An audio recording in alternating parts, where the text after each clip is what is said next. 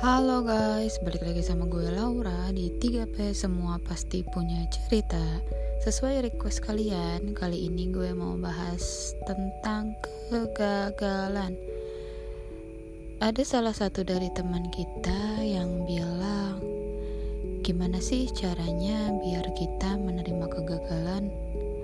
Gimana sih caranya biar kita nggak perlu mikirin kalimat orang yang menyakitkan ketika kita gagal.